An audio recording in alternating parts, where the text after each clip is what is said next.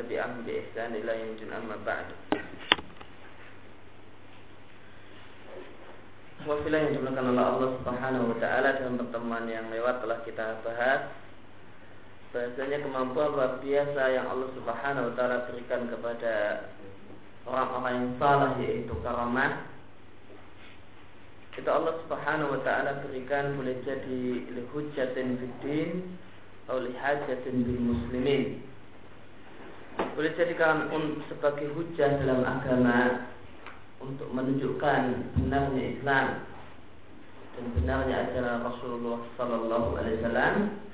Yang kedua, lihajatin bil muslimin karena kebutuhan kaum muslimin.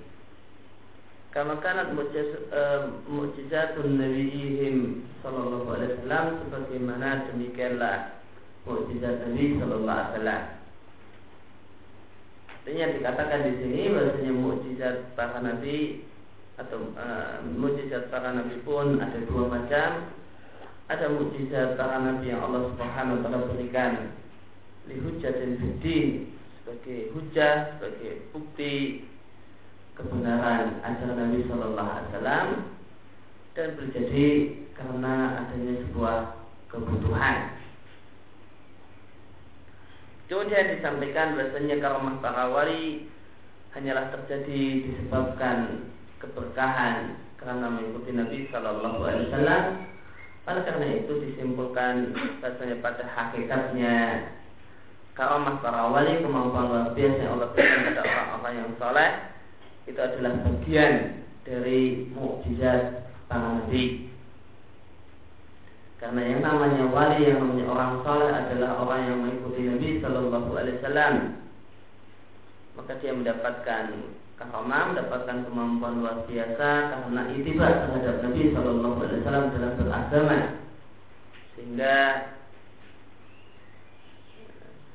karamah itu didapatkan karena itibar pada Nabi Shallallahu Alaihi Wasallam sehingga hakikat karomah adalah mukjizat para nabi.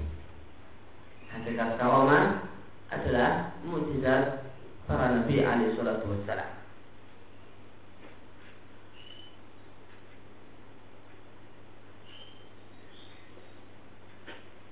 Kemudian disampaikan dan wamima yang dan di antara hal yang sepatutnya diketahui bahasanya karomah terkadang diberikan bihasabi hajati rajul berbanding lurus atau sesuai dengan kebutuhan seseorang.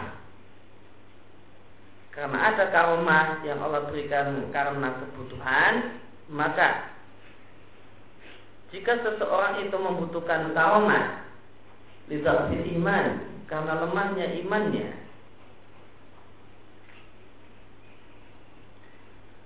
atau orang yang membutuhkannya tersebut atau minha dia mendapatkan karomah yang karomah ini menguatkan imannya dan memenuhi kebutuhannya Wekulu dan adalah orang yang lebih sempurna kewaliannya kepada Allah itu min mustarnian tidak membutuhkan karomah tersebut. Faliyatihi mislu dalika maka orang yang lebih tinggi kewaliannya tersebut tidak memiliki karomah dalam artian kemampuan luar biasa karena tingginya derajat orang tersebut dan karena dia tidak membutuhkannya bukan karena kekurangan dalam kewaliannya. Walihat oleh karena itu maka karomah dalam artian kemampuan luar biasa fit tabi'in di tengah-tengah tabi'in itu lebih banyak dibandingkan kemampuan luar biasa di tengah-tengah para sahabat. Ini berbeda dengan orang yang ia ceri ala yadehi terjadi pada dirinya kemampuan luar biasa dengan tujuan lihatil khalqi memberi petunjuk kepada makhluk. Atau karena kebutuhan makhluk maka mereka-mereka orang-orang mendapatkan kemampuan luar biasa karena kebutuhan makhluk atau karena mudah hidayah kepada makhluk itu lebih tinggi derajatnya daripada orang sholat yang tidak memiliki kemampuan luar biasa dengan tujuan sebagai petunjuk untuk makhluk. Kemudian dibahas oleh Syekhul Islam Tamiyah rahimallahu taala apakah orang yang tidak punya karomah apakah orang yang punya karomah itu lebih mulia dibandingkan yang tidak punya karomah orang soleh yang punya karomah apakah itu lebih hina daripada orang soleh yang punya karomah maka dirinci kita sampaikan karomahnya itu karomah untuk apa? Untuk lihujatin fiddin ataukah lihajatin bil muslimin? Karomahnya tersebut itu Allah berikan dengan tujuan apa jika karomahnya adalah karomah yang Allah berikan dalam rangka untuk menguatkan iman orang yang diberi karomah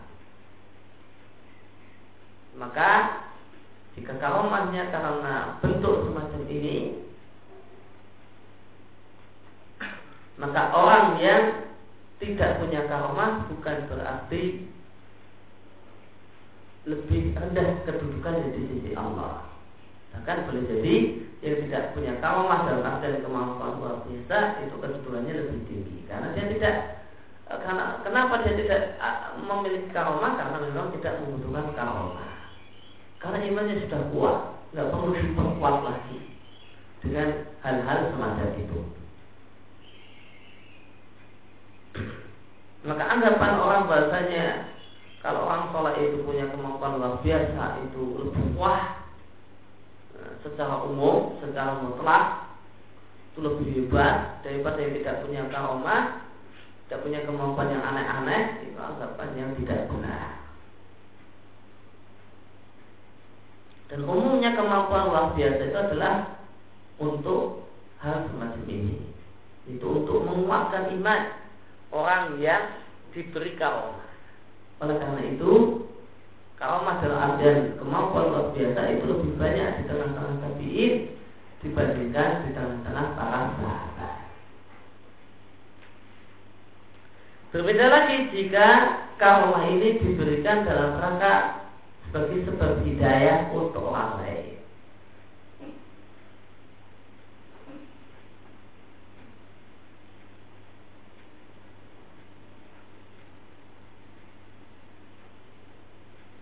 Maka kalau karomah yang Allah berikan karena untuk ya, jadi sebuah hidayah, maka tentu semakin banyak orang itu mendapatkan hidayah lewat tangan seseorang, maka semakin mulialah kedudukan orang ini.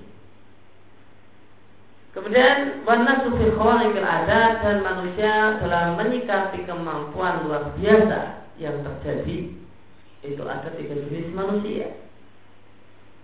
Yang pertama orang yang tidak percaya dengan adanya kemampuan luar biasa jika kemampuan luar biasa tersebut diwayil ambiya untuk selain para nabi. Bahwa dan boleh jadi orang jenis pertama ini percaya dengan adanya kemampuan luar biasa tersebut secara global akan tapi dia mendustakan berbagai cerita yang disampaikan kepadanya anda nana tentang berbagai kemampuan luar biasa yang dimiliki oleh banyak orang. Likau ini indah oleh minal aulia tidak dia percayai karena menurut orang ini orang tadi bukanlah wali. Kemudian orang yang jenis kedua adalah orang yang punya praduga bahasanya setiap orang yang punya kemampuan luar biasa berarti wali Allah. Dan dua sikap ini, dua-duanya adalah sikap yang keliru.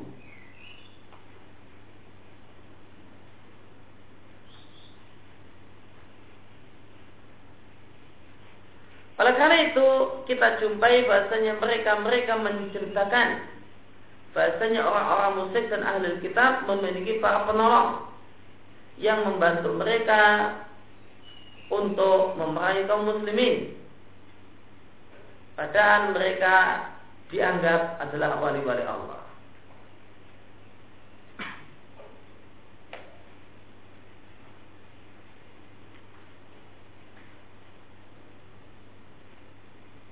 Sedangkan mereka-mereka itu golongan yang pertama tidak percaya bahwasanya di tengah-tengah mereka ada manusia orang soleh yang punya kemampuan luar biasa. Orang yang golongan kedua karena semua karena punya kaidah semua orang yang sakti itu berarti wali Allah maka mereka mengatakan bahwasanya orang-orang musyrik itu wali Allah.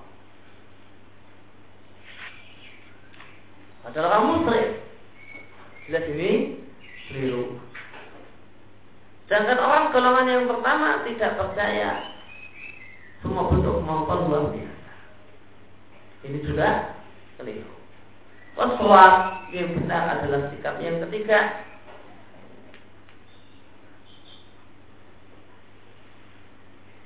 yaitu kita katakan bahasanya anak ma'am bersama mereka orang-orang musyrik itu terdapat makhluk yang menolong mereka yaitu setan yang sejenis dengan mereka itu sama-sama setan ini setan dari golongan jin jadi ada setan dari golongan manusia dan mereka bukanlah wali-wali Allah Subhanahu wa taala karena mereka tidak memiliki iman.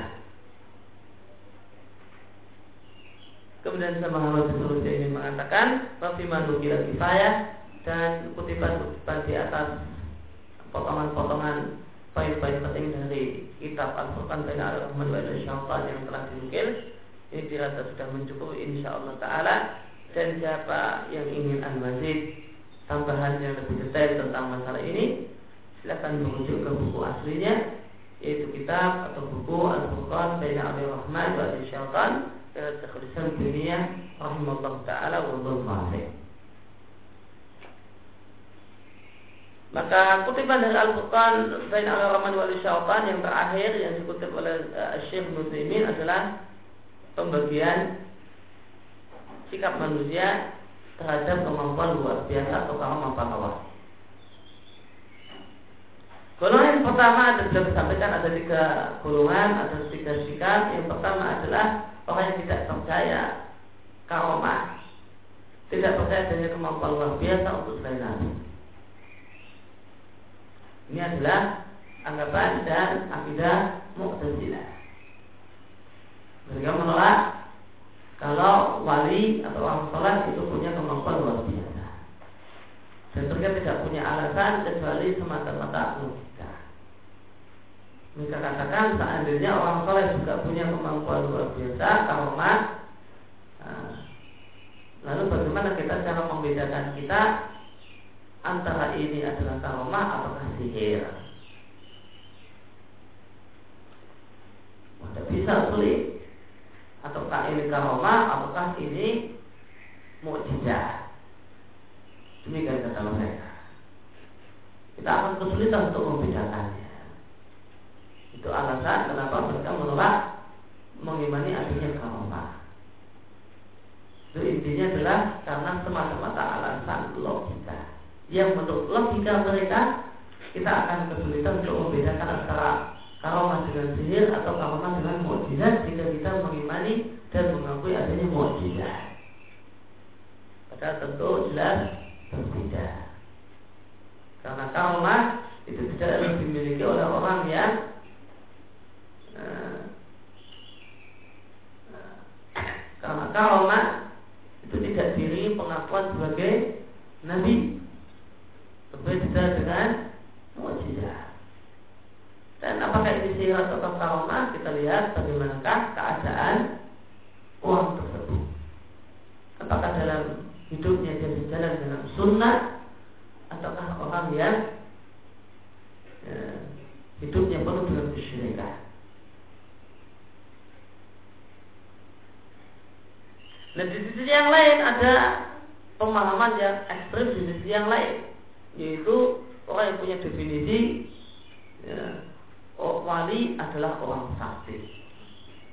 Sampai-sampai di katakanlah di Islam sampai-sampai karena kencangnya memegangi definisi ini maka beranggapan bahasanya orang kafir juga wali karena orang kafir tersebut punya kemampuan luar biasa ini juga wah ini hal yang keliru.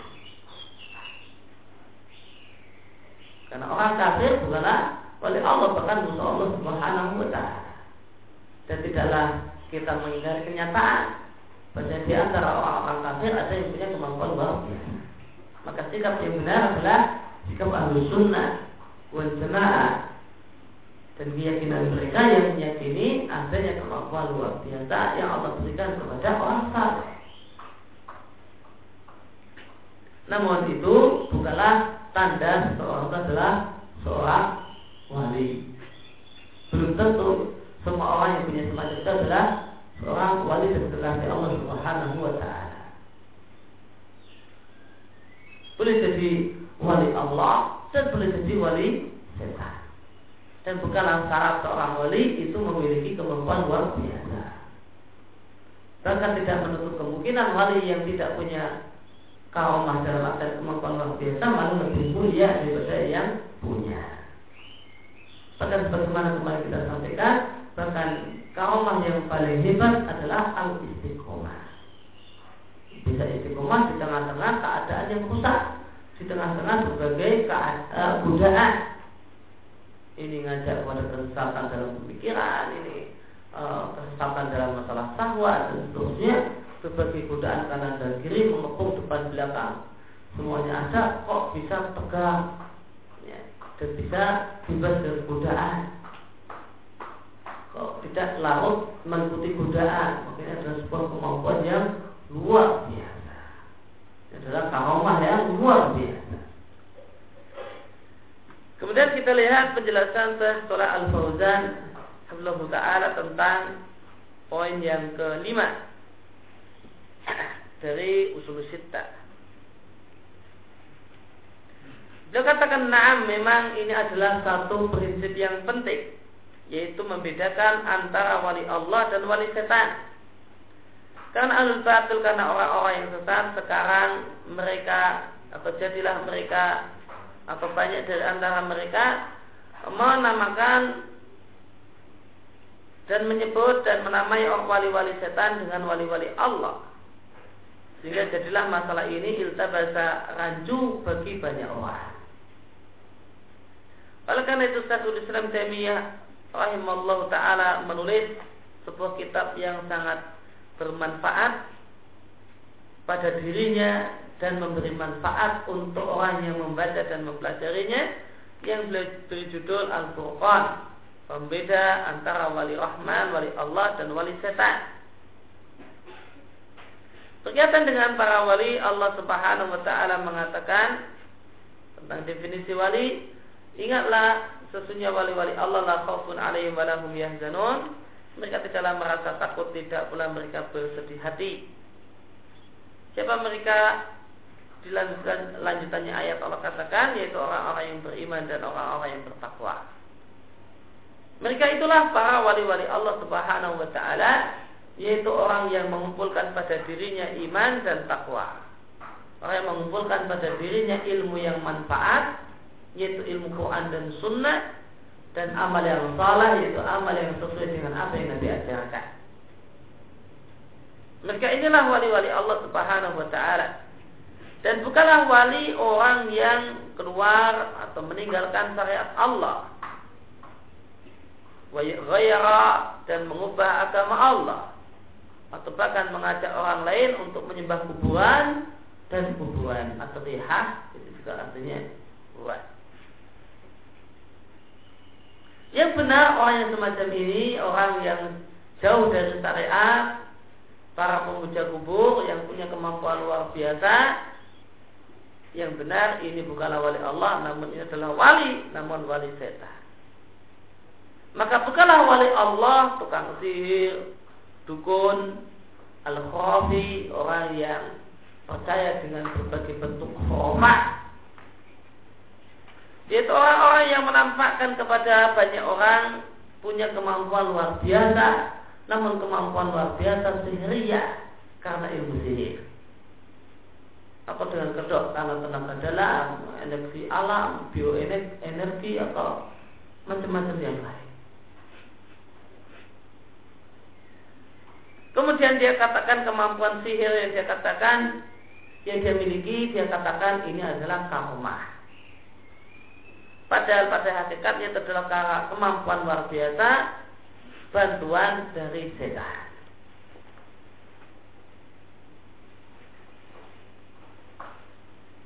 Ya, banyak orang yang meyakini bahasanya seseorang itu adalah wali dan orang yang disebut wali itu adalah orang yang jauh dari agama. Pernah sholat. Karena katanya sholatnya di Mekah. Ada orang yang hobi belum khamar. Nah, ada yang juga hobi berzina dan dikatakan adalah wali. Dan berputih cepoi, pokoknya kamu belum belum dong, kamu itu masih orang rendah, kamu kedudukan masih kedudukan rendah Wah, itu kayaknya saja maksiat kamu itu adalah ibadah dan taat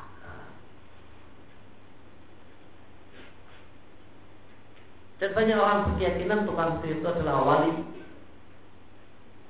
Dukun yang bisa nebak kemampuan luar biasa itu malah itu status gay plus. Nah, adalah uh, atau bahkan diberi kemampuan uh, khos. Uh, kalau bisa plus merdukun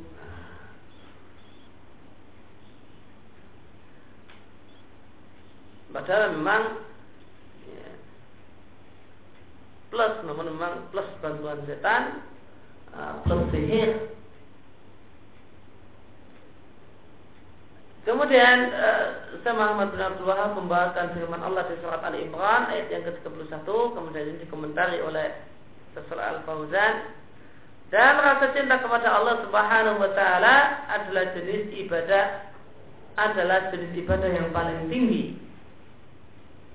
Dan tanda seorang itu mencinta Allah adalah meneladani Rasul sallallahu alaihi wasallam. Maka orang yang tidak mengikuti Rasul sallallahu alaihi wasallam bukanlah wali Allah dan bukanlah orang yang mencintai Allah.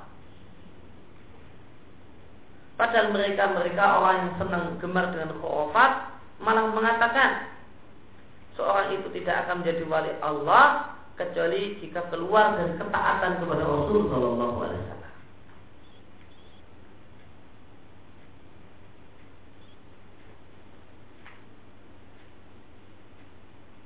Maka menurut mereka yang namanya kewalian itu identik dengan al-khurud, keluar meninggalkan aturan Rasul Shallallahu Alaihi Wasallam dan bersandar dengan khurafat, ya, bersandar dengan mitos-mitos, anggapan-anggapan yang tidak ada dasarnya dan semua bentuk kesyirikan itu dasarnya adalah khurafat. Ini bisa memberi manfaat, ini bisa begini, bisa begitu, sajian semacam ini itu penting karena manfaatnya gini-gini itu semua dibangun dibangun di atas mitos di atas khofa dan di atas kebidahan. Seperti inilah kewalian menurut mereka.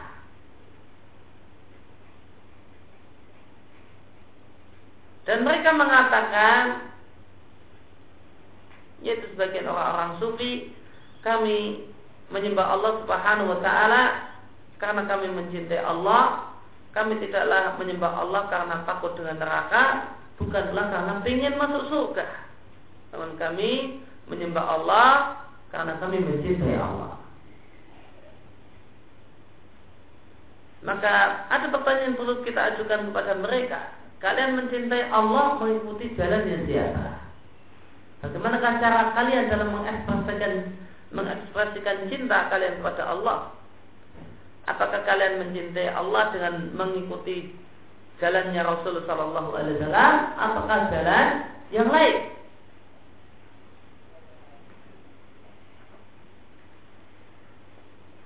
Pertanyaan ini perlu kita ajukan karena kita berkeyakinan sesungguhnya tidaklah mencintai Allah kecuali orang yang mengikuti Rasul Sallallahu Alaihi Wasallam. Inilah titik pembeda antara wali Allah dan wali setan. Itu itiba. So, siapa yang menjadi siapa yang menjadi uh, siapa siapa orangnya yang men, yang mengenal dari Nabi Shallallahu Alaihi Wasallam dan dia punya kemampuan luar biasa, uh, maka ini wali Allah. Nun, ada orang yang punya kemampuan luar biasa, nun, dia adalah orang yang jauh dari ketaatan kepada Rasul Shallallahu Alaihi Wasallam, gemar berbuat e, maksiat atau gemar dengan bid'ah, maka ini bukanlah wali Allah.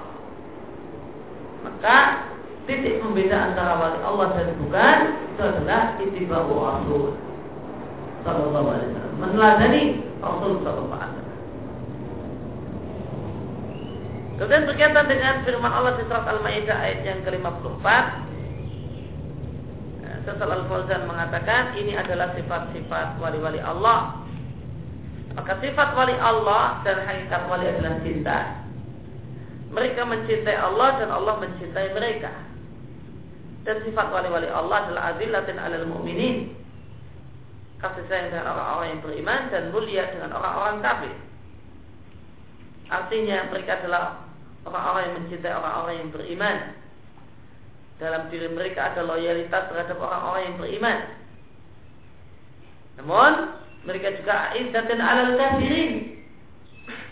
Adalah orang-orang yang mulia di hadapan orang-orang kafir. Artinya ada pada diri mereka burudun kebencian, wabarakatun dan kebencian terhadap orang-orang musyrik.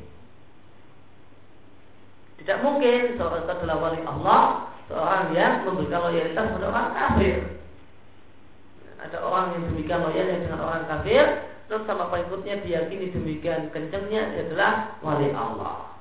Ini adalah satu hal yang tidak benar. Ciri wali Allah subhanahu wa ta'ala punya a'izzah dan adil kafirin adalah orang yang memiliki kebencian terhadap syirik dan kemusyrikan. Terhadap kemusyrikan dan pelakunya. Terhadap kekafiran dan pelakunya dan mereka adalah orang yang bekerja di jalan Allah dan tidak merasa takut dengan celaan orang yang mencela. Itulah karunia Allah yang Allah berikan kepada siapa saja yang dia kehendaki. Wallahu wasi'un alim dan Allah maha luas lagi maha mengetahui. Inilah empat sifat yang merupakan sifat wali-wali Allah Subhanahu wa taala. Yang pertama adalah kasih sayang dengan orang yang beriman, punya loyalitas dengan orang yang beriman. Yang kedua adalah punya kebencian dan permusuhan dengan orang kafir. Yang ketiga adalah berjihad. Dan yang keempat adalah orang yang tidak tak, uh, merasa takut dengan komentarnya orang yang komentar ketika mereka berada di atas kebenaran. Orang yang komitmen dengan kebenaran apa pun komentar yang diberikan oleh orang-orang di sekelilingnya. Ini empat sifat wali Allah Subhanahu wa taala. Sedangkan orang yang memerintahkan orang lain untuk beribadah kepada selain Allah, berdoa kepada orang yang sudah mati yang berada di dalam kubur, berdoa kepada mayit, berdoa kepada kuburan dan menamakan kemampuan luar biasa bantuan setan sebagai karomah Allah, maka ini adalah sifat musuh-musuh Allah dan bukan wali-wali Allah.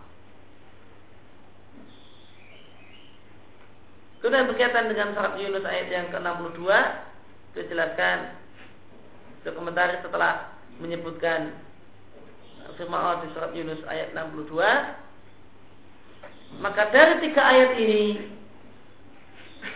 yaitu Ali Imran 31, Al-Maidah 54 dan Yunus 62 maka engkau bisa kita bisa menyimpulkan sifat wali-wali Allah yaitu dari tiga ayat yang pertama eh, satu ayat di surat Ali Imran, kemudian ayat di Al-Maidah dan di surat Yunus. Dalam tiga ayat ini terdapat sifat wali-wali Allah.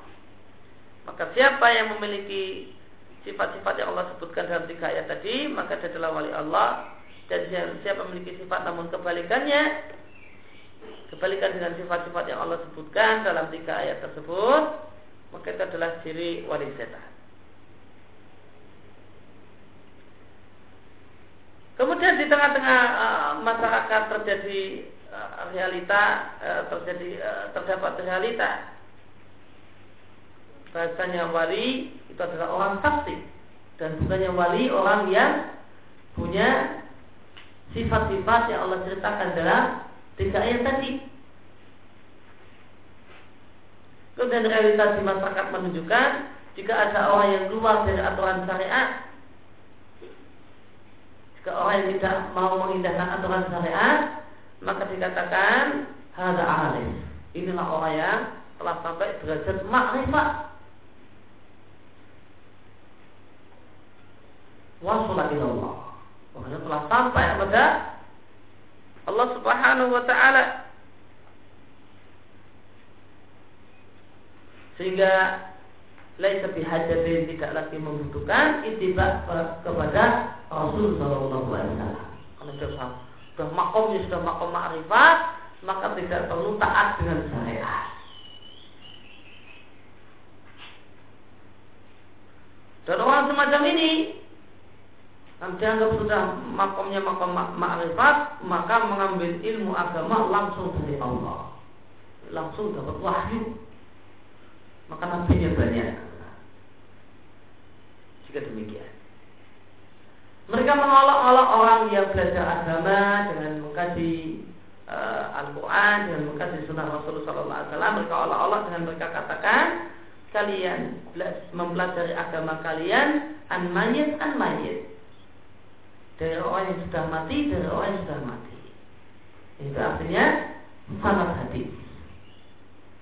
Hmm, kalian katakan hadis ini kalian dapati dari bulan dan bulan sudah mati dari bulan lagi dari si B dan si B juga sudah mati. Sedangkan kami itu kami mengambil ajaran agama kami langsung dari zat yang hidup yang tidak pernah mati alias Allah. Maka mereka berkeyakinan dan beranggapan bahasanya mereka mengambil belajar agama langsung mubasyarah langsung dari Allah Subhanahu wa taala. Dan menurut anggapan mereka siapa yang belajar agama melalui Rasul dengan sanad dengan belajar hadis maka bukan wali. Yang namanya wali juga agamanya, pelajaran agamanya atau ilmu agamanya diambil langsung dari Allah. Dan yang dimaksud langsung dari Allah adalah tidak mengikuti syariat dan tidak mau taat pada Nabi. Maka tidak ada wali menurut mereka kecuali orang yang keluar dari ketaatan kepada Rasul Sallallahu Alaihi Wasallam.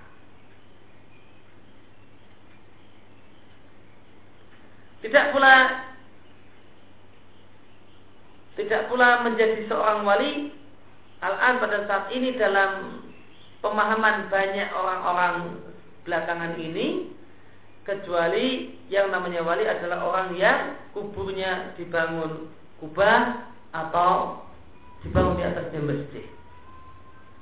Adapun orang-orang yang dimakamkan yang pemakamannya sesuai dengan sunnah artinya tidak ada bangunan apa pun di atas kuburnya maka sebagian orang beranggapan ini bukanlah wali meskipun orang yang dimakamkan tersebut adalah manusia paling istimewa manusia paling mulia di sisi Allah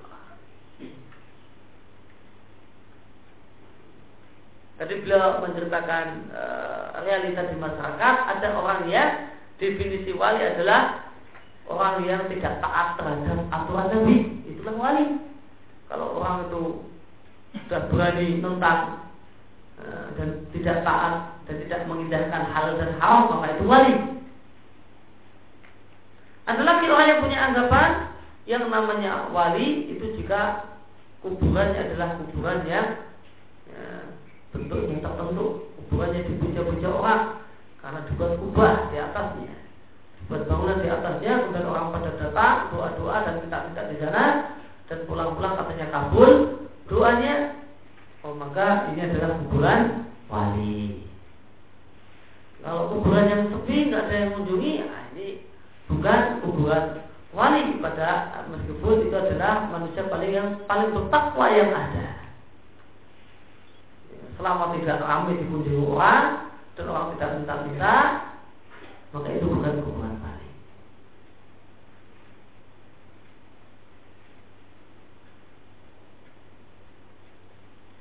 Semua itu kemudian juga menurut mereka yang namanya wali punya zain khas, punya seragam khusus, punya model pakaian tertentu. Harus memakai sorban dengan bentuk tertentu atau memakai sorban khasan pakaian model tertentu.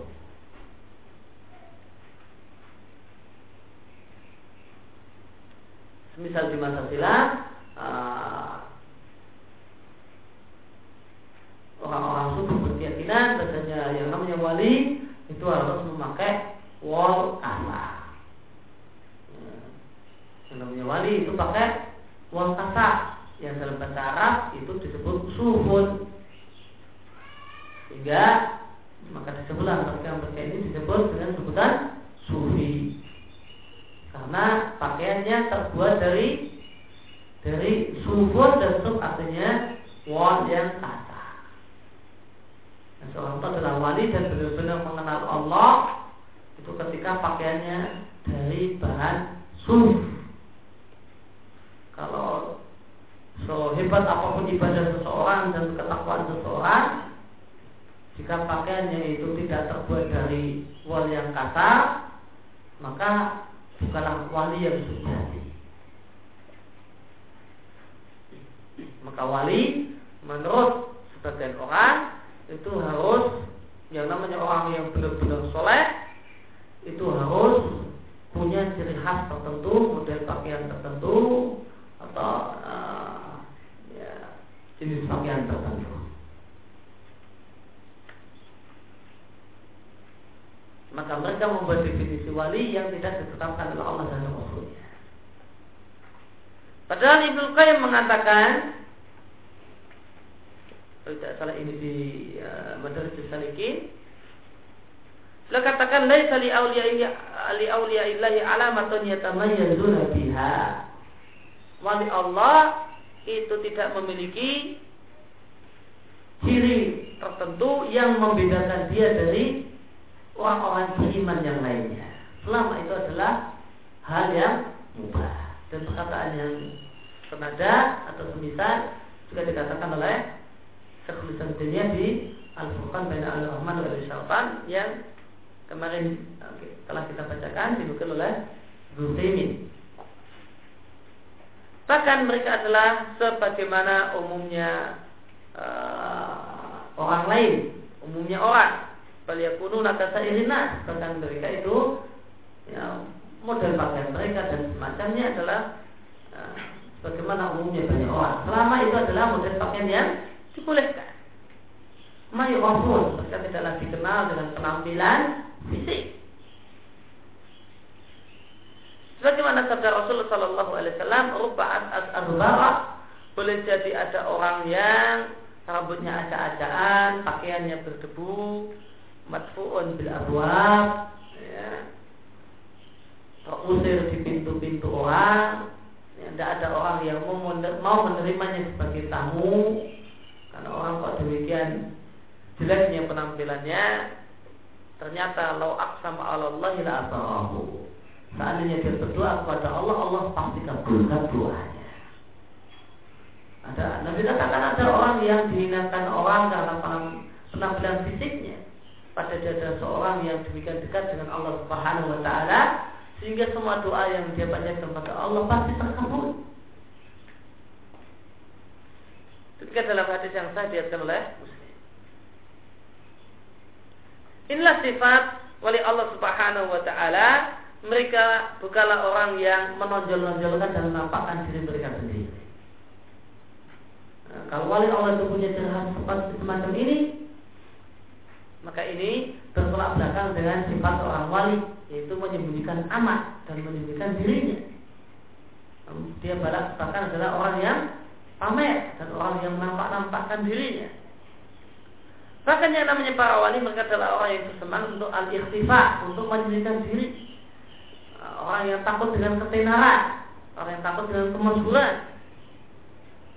Ya jelas ikhlasillah karena dalam rangka menjaga keikhlasan kepada Allah Subhanahu eh, keikhlasan dalam beramal untuk Allah Subhanahu wa taala. Dan jika demikian maka di antara sifat wali Allah adalah tawadhu rendah hati dan menyembunyikan amal, menyembunyikan diri takut tenar, wa ada dan tidak ya, suka dengan uh, kebenaran.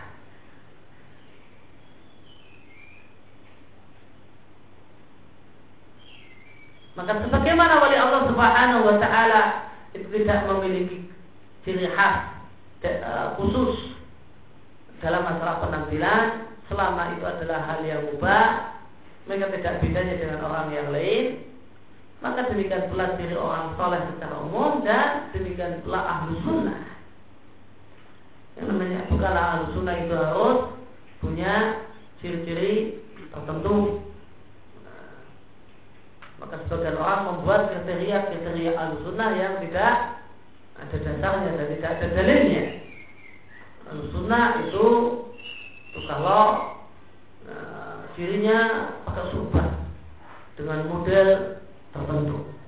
Semacam inilah ahlu sunnah. Kalau nggak semacam itu maka bukan ahlu sunnah. Harus punya berpakaian dengan model tertentu, punya sagam, sagam ahlu sunnah. Atau kemudian bahkan uh, diyakini oleh sebagian orang ahlu sunnah punya ciri tertentu dalam masalah model memakai pakaian. Kalau yang sarungnya balapan dengan celananya, wah itu ahlu sunnah. Kalau bukan, ah, maka bukan ahlu sunnah. Makanya adalah hal yang mengada-ada dan menjadikan ciri yang tidak ditetapkan oleh Allah dan Rasulnya sebagai ciri. Dan ini bertentangan dengan uh, keinginan orang tersebut untuk menjadi ahlu sunnah. Ya namanya ahlu sunnah adalah orang yang bersemangat untuk mengamalkan sunnah, mengamalkan yang diajarkan oleh Nabi Shallallahu Alaihi Wasallam Apakah memang ini ada dalilnya dari ajaran Nabi Sallallahu Alaihi Wasallam atau tidak? Semuanya ditimbang dengan hal ini. Jika tidak, maka menjadikannya sebagai diri ada satu hal yang bermasalah dan dituntut untuk uh, di, uh, diberi dalil, didatangkan dalilnya.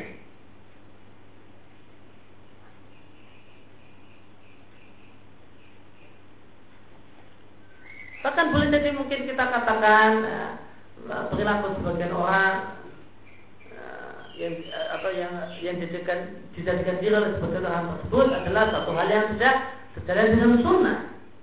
Tapi mengajarkan kerapian, tapi mengajarkan keindahan, tapi katakan Inna Allah jamilun, ya Allah subhanahu wa ta'ala indah dan menyukai keindahan dan penampilan-penampilan yang tidak benar semacam itu bertentangan dengan hadis ini.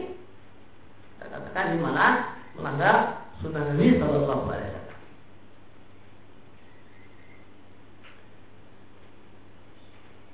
Kemudian kita lanjutkan dengan uh, yang terakhir kita baca asal yang ke-6 dengan penjelasannya insya Allah kita baca dari sepatu yang akan datang. Kalau Malik rahimahullah taala al aslu asadisu raddu subhatil lati wada'aha syaitanu fi tarkil qur'ani was sunnati wa tibail ara'i wal ahwa'i al mutafariqatil mukhtalifati adalah menolak subuhat yang diletakkan oleh setan untuk meninggalkan Quran dan Sunnah. Dan untuk mengikuti pendapat manusia dan hawa nafsu. Al mutafariqah yang bercerai-berai dan yang berbeda-beda. Wa ya anal Qur'an wa sunnata la ya'rifuha illa al-mujtahidul mutlaq. Yaitu setan menebar subhat di tengah-tengah sebagian orang. Itu di kalangan orang-orang yang muqallidul a'mal, orang-orang yang terjangkit penyakit taklid buta dan fanatik dengan mazhab mazhab fikih. Setan menyebarkan subhat di tengah-tengah orang-orang semacam ini dengan setan katakan baca Quran dan Sunnah itu tidak bisa dipahami kecuali oleh mujtahid mutlak. Kecuali oleh ulama besar yang sampai derajat istihad. Wal mustahidu wal mausufu bikada wa kada sedangkan yang namanya ulama mustahid adalah ulama yang punya sifat yang memenuhi kriteria begini dan begitu. Ausafan la'allaha la tujadu tamatan fi Abi Bakr wa Umar. Bahkan persyaratan itu dibuat demikian ketat sampai-sampai sifat yang disebutkan, kriteria yang disebutkan boleh jadi tidak ditemukan secara sempurna pada diri Abu Bakar dan Umar.